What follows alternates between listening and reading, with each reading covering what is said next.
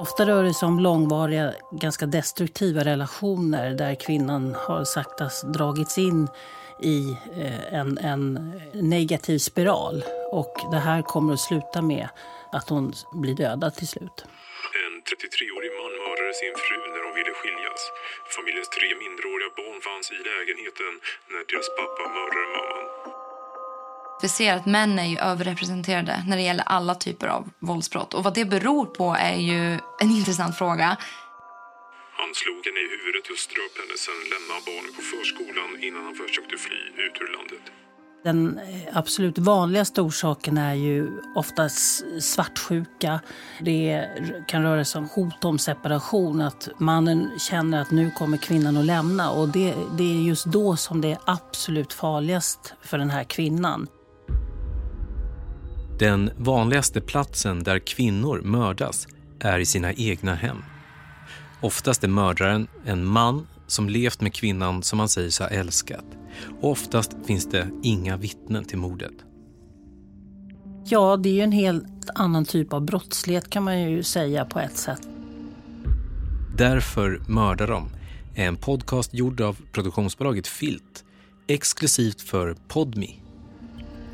I det här avsnittet undersöker vi mördaren i hemmet. Hur går man från att ha varit kärlekspartner till att bli en mördare?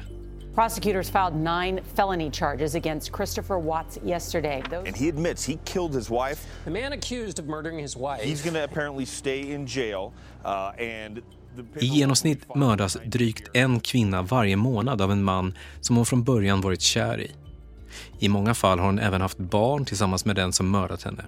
Det finns många som inte ens minns hur, hur, hur det, vad det var som hände utan det är som en stort svart hål. Eh, man har, man har slagit eller man har dödat en person i, i affekt och minns ingenting. Jenny Yorstone är doktor i psykologi och har forskat på våld i nära relationer. Hon säger att en typisk mördare i hemmet skiljer sig på många sätt från andra mördare. Det är personer som, som man inte väntar sig eh, ska hamna i den situationen att det går så illa helt enkelt. Det finns ett tydligt mönster kring tidpunkten för när ett mord i en nära relation sker. Nästan hälften av alla mord i hemmet inträffar när kvinnan säger att hon inte längre vill vara kvar i relationen.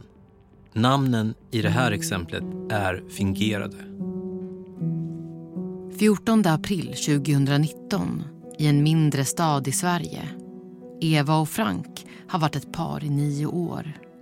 De har två döttrar och bor i ett radhus i utkanten av staden. Eva har en längre tid varit rädd för Frank som vid olika tillfällen varit våldsam och hotat att döda henne. Hon har under flera år tänkt att hon vill skiljas och komma bort från den destruktiva relationen. Men hon har inte vågat säga något till Frank om det. Men nu känner hon att det inte går längre. Och efter att barnen lagt sig så berättar hon att hon vill separera att hon redan har skaffat en lägenhet som hon kan hyra med starten följande månaden och att hon vill att barnen bor hos henne. Frank får ett vredesutbrott. Han kastar saker runt omkring sig. Anklagar Eva för att hon gått bakom ryggen på honom och kallar henne för mycket nedsättande saker. Eva ber honom att lugna ner sig. Försöker förklara att hon inte klarar att leva på det här sättet längre och att hon tycker att Frank borde söka hjälp för sin aggressivitet. Då svartnar det för Frank. Dagen efter ringer Frank polisen och anmäler sin fru försvunnen. Polisen inleder en förundersökning om misstänkt människorov. Och tre dagar senare hittas Eva död utomhus ett tiotal meter från deras hem Enligt åtalet slog mannen ihjäl kvinnan med tolv slag i huvudet och ansiktet med någon form av tillhygge. Mannen nekar till att ha utfört mordet men fälls på grund av övertygande bevis i form av blod från kvinnan på hans skor DNA från honom på kvinnans kläder och vittnen som sett paret i ett våldsamt bråk inne i hemmet.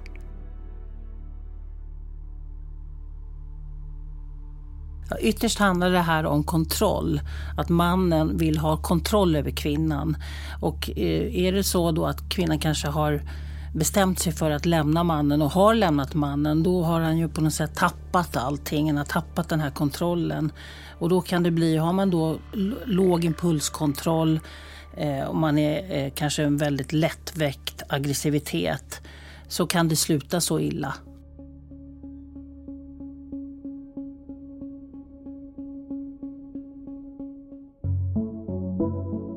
En mördare i hemmet har inte samma bakgrund som andra mördare.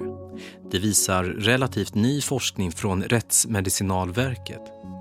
Vanligtvis när det gäller mördare så har majoriteten av dem ett tidigare kriminellt förflutet.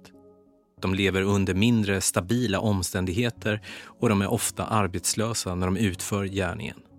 Men det här stämmer inte in på en typisk mördare i hemmet. Det man kan se som är eh, eh, om man säger skillnaden från annat typ av dödligt våld så kommer de här männen att vara äldre. De kommer också ha en mer stabil tillvaro. Att de kanske har ordnad tillvaro i form av boende och de har arbete och så vidare. Genomsnittsåldern i Sverige för en manlig mördare i hemmet är 43 år. Genomsnittsåldern för övriga mördare i Sverige är 29 år.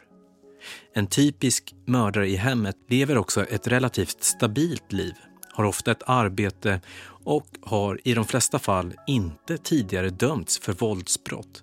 Det förekommer ju alla eh, socioekonomiska grupper och det förekommer i alla typer av olika miljöer. Forskningen visar också att var femte man i Sverige som mördat sin partner också senare tar livet av sig själv. De här skillnaderna tyder på att det är helt andra mekanismer bakom mord som sker i hemmet jämfört med övriga mord. Den tydligaste gemensamma nämnaren för de som begår dödligt våld mot sin partner är att de är män. Mord i nära relationer begås även av kvinnor men det är betydligt mer ovanligt. Det vanliga är att det är män som mördar kvinnor och det dödliga våldet står för en stor del av alla de mord som totalt begås i Sverige. Det var 18 fall 2019 men man brukar säga från 90-talet och framåt att ungefär 13 kvinnor per år blir mördade. Det blir ju en hög siffra i förhållande till antal mord totalt sett eh, om det rör sig om i genomsnitt 13 kvinnor. Även i andra fall av mord så är män kraftigt överrepresenterade som gärningsmän. 90 procent av alla mördare är män. Och varför det är en sån skev överrepresentation har det gjorts forskning på, säger kriminologen Sara Scott. Ja, alltså det går ju i hand i hand med liksom alla typer av våldsbrott att vi ser att män är ju överrepresenterade när det gäller alla typer av våldsbrott. Och vad det beror på är ju en intressant fråga. Eh, vissa skulle kunna spekulera kring att det går tillbaka till olika typer av biologiska eller genetiska förklaringar. Men jag tänker också att det hör väldigt mycket ihop med eh, vad vi har för liksom, maskulinitetsideal och vad innebär det att vara man eh, och vad sätter vi för värde i det. Och eh, Det har jag också sett i min forskning att man ser att för många män, framförallt från marginaliserade områden, så är att vara man är lika med att vara våldsam. Det finns inget annat sätt att vara man på som de känner till. För att det är det enda sättet de vet. Det är liksom det språk de pratar om man säger. Ehm, så det finns någonting också djupt rotat i det här maskulinitetsidealet som hör ihop med våldsamhet. Makt genomsyrar det här på olika sätt det genomsyrar liksom allt vi gör, även när vi inte tänker på det. Och i det här fallet, liksom när vi pratar om mord så är det ju att det är någon som har den ex alltså, totala extrema makten över någon annan. Att man bestämmer om den personen ska dö eller leva. Den absolut vanligaste orsaken är ju oftast svartsjuka, hot om separation. Att, att mannen känner att nu kommer kvinnan att lämna. Och det, det är just då som det är absolut farligast för den här kvinnan. I det läget när hon vill separera eller att man precis kanske har separerat. Ofta är det ju eh, då förenat med kanske att den här mannen har, lider av någon slags depression Eh, eller har låg impulskontroll och eh, har också ett stort behov av att kontrollera den här kvinnan. Om han upplever att han upprepade gånger naturligtvis misslyckas i det här att, att få full kontroll på kvinnan så blir ju ett dödande den absoluta kontrollen. Kriminologen Sara Scott säger också att många mord som begås inte är planerade. Det är en följd av flera olyckliga faktorer. Många av de mord som begås, det är också ibland lite av en slump att det blir ett mord. För att det är oftast liksom två personer som bråkar ute på en gata efter liksom att ha druckit jättemycket på puben och sen råkar någon slå deras huvud i asfalten och sen så dör de. Och det är liksom, ingen av de två hade troligtvis tänkt att de skulle begå ett mord den kvällen eller att någon av dem skulle dö och så vidare. Så att, Ehm, det är också den aspekten att det finns ett visst oplanerat element i många av de här morden som, som sker. Riskfaktorer, om man tittar på riskfaktorer så är låg impulskontroll en riskfaktor. Eh, och det är i vissa av de här fallen då det liksom sammanfaller då med eh, kanske då en separation. Det har varit en lång destruktiv relation och kvinnan lämnar. Mannen har ett väldigt högt kontrollbehov och eh, eh kanske hamnar också eh, i en, i en annan dålig situation. Kanske förlorar ett jobb eller eh, förlorar bostad och så vidare. Eller någonting som triggar ytterligare. Men ofta rör det sig om långvariga, ganska destruktiva relationer där kvinnan har saktas dragits in i eh, en, en, en negativ spiral. Även efter att en destruktiv relation tagit slut så finns det många exempel på när män använt dödligt våld mot sina exfruar eller exsambos. Svartsjuka är ett vanligt motiv. Men det finns även andra drivande mekanismer bakom mäns dödliga våld. Namnet i det här exemplet är också fingerat. Håkan är 50 år och har precis skilt sig från sin fru. Han har träffat en ny kvinna och hans exfru har flyttat till en ny bostad. Äktenskapet var väldigt stormigt och han kände sig förtryckt av sin fru. Men nu skulle allt bli bra. Men hans förra fru vill inte lämna Håkan i fred. Efter separationen söker hon upp Håkans nya flickvän och vandaliserar deras hem. Mannen var inte hemma, men hans nya kvinna ringde honom på jobbet och berättade att exhustrun brutit sig in i deras hus. De ringer polisen, men patrullen kom dit först när exhustrun hunnit ge sig av. Senare på dagen kommer hon återigen tillbaka och då var mannen ensam hemma. De börjar ett våldsamt gräl och 50-åringen har i förhören sagt att han då helt tappade besinningen. Han hämtade ett svärd i huset som han jagade exfrun med. Han stack henne först i ryggen och när hon då ramlade omkull stötte han svärdet i hennes bröst. Håkan ringer själv till polisen och berättar att han huggit ihjäl sin exhustru. När polis och ambulans kom till platsen fann de kvinnan död vid huset en bit från kroppen låg svärdet som mannen köpte under en medeltidsvecka i Visby. Han dömdes senare till tio års fängelse för mord. Eh, det absolut vanligaste är kniv. Efter kniv kommer eh, stryp och eh, kvävning eller slag med annat tillhygge. Det finns många som inte ens minns hur, hur, hur det, vad det var som hände utan det är som en stort svart hål. Eh, man, har, man har slagit eller man har dödat en person i, i affekt och minns ingenting. Att som kvinna bli mördad i hemmet av sin man, exman, pojkvän eller expojkvän är ett av de vanligaste typerna av mord. Inte bara i Sverige, utan även internationellt. I USA står det för en tredjedel av alla mord som sker på kvinnor. It was 25 years ago today that the country learned that Nicole Brown Simpson had been brutally murdered. Then came the stunning news that Nicole's ex-husband, football legend O.J. Simpson, was the prime suspect.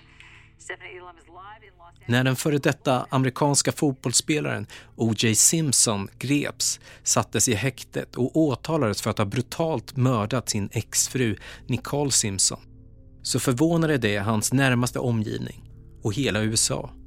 Han var innan dådet otroligt omtyckt och älskad som publik person. Kunde han verkligen ha gjort någonting så här fruktansvärt?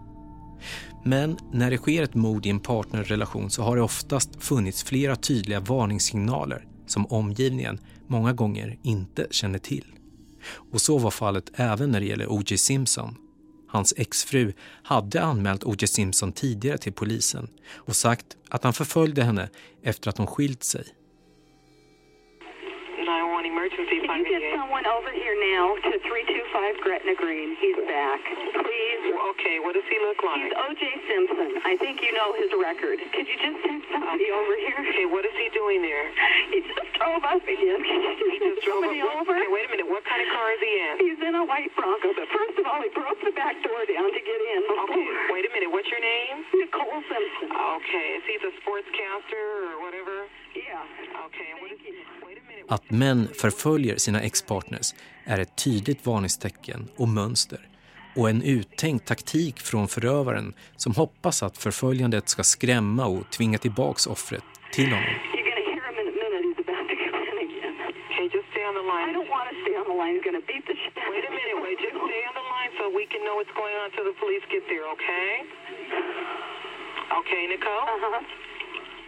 Nicole? Brown hade också vid ett tillfälle sett att O.J. Simpson spionerade utanför hennes hus när hon hade sex med sin nya pojkvän.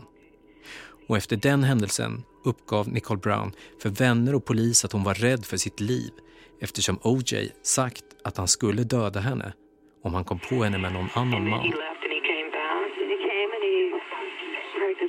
Knocked my upstairs door down, but he pounded it, and then he screamed and hollered, and I tried to get him out of the bedroom because the kids were sleeping in there. And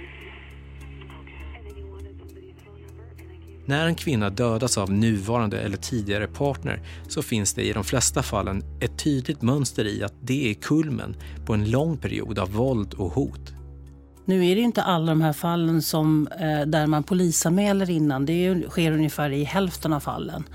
Eh, och man vet att mörkertalet är stort. Så att det är ju en varningssignal. Men hur kan man göra någonting så fruktansvärt mot någon som man i alla fall kan påstå att man älskar? Ett svar på det kan finnas i det faktum att många män som mördar i hemmet också begår självmord efteråt. Det vet man ju att det sker ungefär i en femtedel av fallen. Att mannen också tar livet i, av sig i samband med det här. När man har försökt förklara varför män eh, begår självmord i högre utsträckning än vad kvinnor gör så handlar det om att män har svårare att ta till exempel förluster. Eh, till exempel att man förlorar en partner eller att man for, förlorar sitt jobb och så vidare. Och man har också sett att män inte söker hjälp i samma utsträckning som kvinnor, alltså psykiatrisk hjälp. För det här är ju ofta kopplat till att man inte mår bra. Forskning från Brottsförebyggande rådet kopplar gärningsmannens självmordsbenägenhet till att mördare i hemmet i mycket hög grad är psykiskt instabila. Och deras forskning visar att nära 90 procent av de män som dödar en kvinna i en nära relation är psykiskt sjuka eller lider av en annan psykiatrisk problematik. Det finns ju ofta med en psykisk ohälsa. Eh, och eh, den i kombination med då kanske ibland rör sig om missbruk. Eh, det kan röra sig om psykiska sjukdomar eller en depression som kan trigga. Och två diagnosgrupper dominerar bland mördare i hemmet. Personlighetsstörningar och psykossjukdomar. När det gäller de gärningsmän som är psykossjuka så finns det ofta ingen annan förklaring eller motiv till det dödliga våldet än just den psykiska sjukdomen. Det här är personer som styrs av psykotiska mekanismer som vi säger då. Det är personer som uppfattar verkligheten på ett helt eget sätt som inte alls överensstämmer med den objektiva verkligheten. Marianne Kristiansson är läkare och specialist inom rättspsykiatri. Man kan säga att personerna har en förändrad varseblivning och tolkar in helt fel saker vad som händer. Tror till exempel att någon de ser på stan kanske ska ha ihjäl dem och så. De här personerna kan ha till exempel en psykossjukdom. Den mest kända är schizofreni då.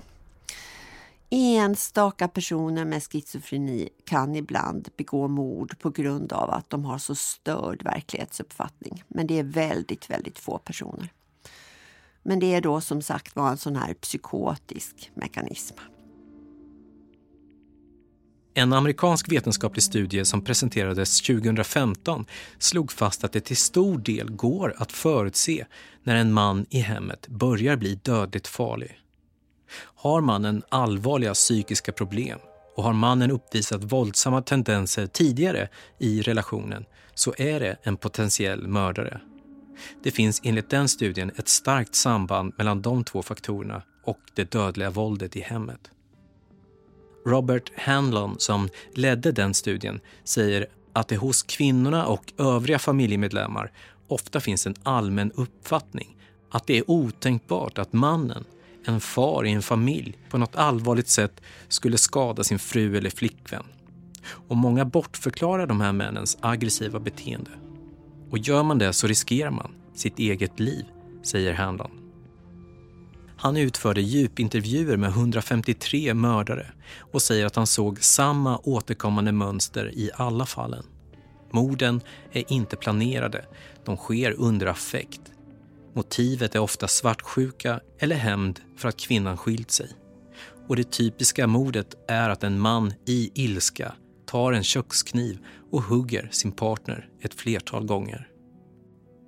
Det skulle enligt Hanlon vara möjligt att förhindra flera av de här morden som begås i hemmet om fler inser hur farlig den här kombinationen av våldsamt beteende och psykiska problem är. Befinner man sig i en relation med en sån man så säger Hanlon att man ska göra allt för att ta sig ur den. Flytta till släktingar, ta hjälp av myndigheter och polis och sök hjälp. Både partner, polis och andra myndigheter måste ta sådana här varningar på största allvar, säger Jenny Jorstone. Om en kvinna ansöker om kontaktförbud för sin man eller exman så kan det vara skillnaden på liv eller död om hon får det beviljat eller inte. Vad som kan vara väldigt viktigt är ju att man när en kvinna anmäler att det görs en ordentlig riskbedömning eh, om det här är, kan vara farligt helt enkelt. Ja, det handlar ju om eh, att man märker att den här personen inte släpper taget. Eh, och det kan ju den här personen visa på olika sätt. Det kan handla om eh, att den fortsätter och försöker kontakta fast man har sagt nej och vill inte ha någon mer kontakt. Eller att personen på andra sätt eh, eh tar reda på information om, om en och så vidare. Så att, eh, det gäller ju att man ska respektera varandra och känner man att den här personen respekterar inte mig och mina gränser, då är det, det en varningssignal. Och eh, sen handlar det också om eh, just det här med kontaktförbud, att, att, att man eh, verkligen får ett kontaktförbud om man söker det. Man kanske inte får igenom ett besöksförbud, man har ansökt om det och, och sen så har man helt enkelt inte fått det här besöksförbudet. Och, och sen händer det här fruktansvärda ändå. Därför mördar de är en podcast gjord av produktionsbolaget Filt exklusivt för Podmi